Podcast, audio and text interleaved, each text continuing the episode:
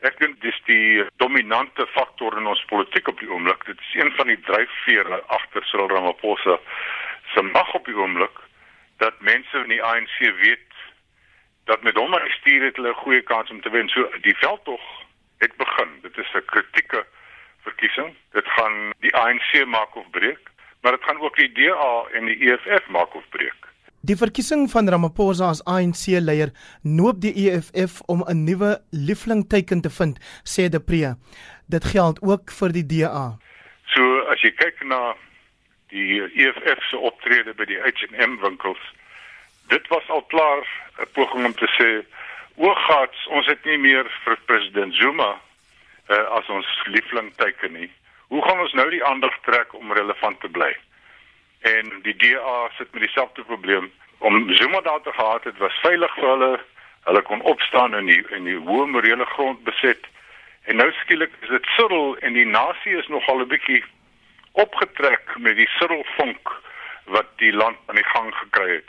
So ja, dis 'n beslissende verkiesing vir almal van hulle en alles wat ons van nou af sien gaan gebeur deur die politieke partye het dit in gedagte. Die president sê die vraag is nou wat sou die ideale verkiesingsuitkoms wees? En my vraag dan nou ook is as 'n gewone burger wat nie in een van hierdie partye behoort nie. As ek moet dink aan die toekoms van my kinders en myself, wat sou ek graag wou hê moet gebeur volgende jaar? Is dit nie redelik dan om te sê Miskien moet ons hoop die ANC kry maar net so 51% dat ons op hulle tone kan hou, maar dat hulle nie nodig het om 'n koalisie met iemand aan te gaan nie, want ons wat die teeblare lees weet as daar 'n koalisie moet wees volgende jaar saam met die ANC, as hulle onder 50% kry, gaan daai koalisie vernoot gaan Julius Malema en die EFF wees. En ons weet watter koalisie vernoot hulle maak, ons weet wat is hulle uh, agenda en dit gaan nag wees vir ons. Die droom van 'n ANC-DA uh, koalisie is net 'n droom. So soos die temperatuur nou 'n bietjie na die ANC se verkiesingskonferensie, so gaan dit nou begin styg en die uh, politieke klimaat gaan gevaarlik gespanne wees. Maar wat dan van die EFF se kritiek teen Ramaphosa? Die EFF het juister Julius Malema self weer begin en gesê ons moes al vir Cyril toegesluit het na Marikana.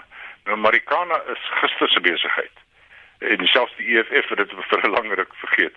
En skielik word hier nou ehm uh, ou koeie uit die sloot gesloot gehaal om 'n sweep te probeer kry. Maar die die EFF se sterk argument is die ANC vat al ons beleidsrigtinge oor. Die nasionalisering van die Reservebank, grondonteeneming sonder vergoeding en gratis tersiêre onderwys. Dit is drie van die groot goed wat die EFF wou gehad en hulle is kompleet heeltemal korrek. Dit is nou ANC beleid. Dit is nou amptelike ANC beleid. En so die twee groepe dryf na mekaar toe in een sin en dan is dit net die persoonlikhede wat verskil. Dit het ook met Malema se eie politieke ambisie te doen, sê De Pre. Ek het 'n baie sterk oortuiging dat Julius Malema van die begin af gedink het hy gaan uiteindelik teruggaan ANC toe maar hy gaan dan teruggaan as 'n adjunkpresident of 'n senior minister of 'n onderleier of so iets. Ek dink nie daar's enige twyfel nie dat die EFF weet hulle gaan op hulle eie nie verder as 10% kom volgende jaar of selfs dalk daarna nie. En dit hulle toekoms en hulle is almal mag wat mag belang. Hulle toekoms is om terug te gaan ANC toe.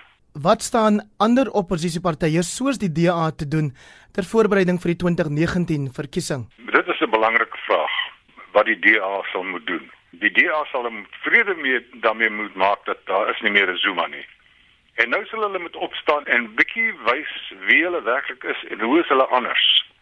Hulle sal harde werk in die parlement moet doen, maar hulle sal die publiek van Suid-Afrika op 'n ander manier moet begin aanspreek.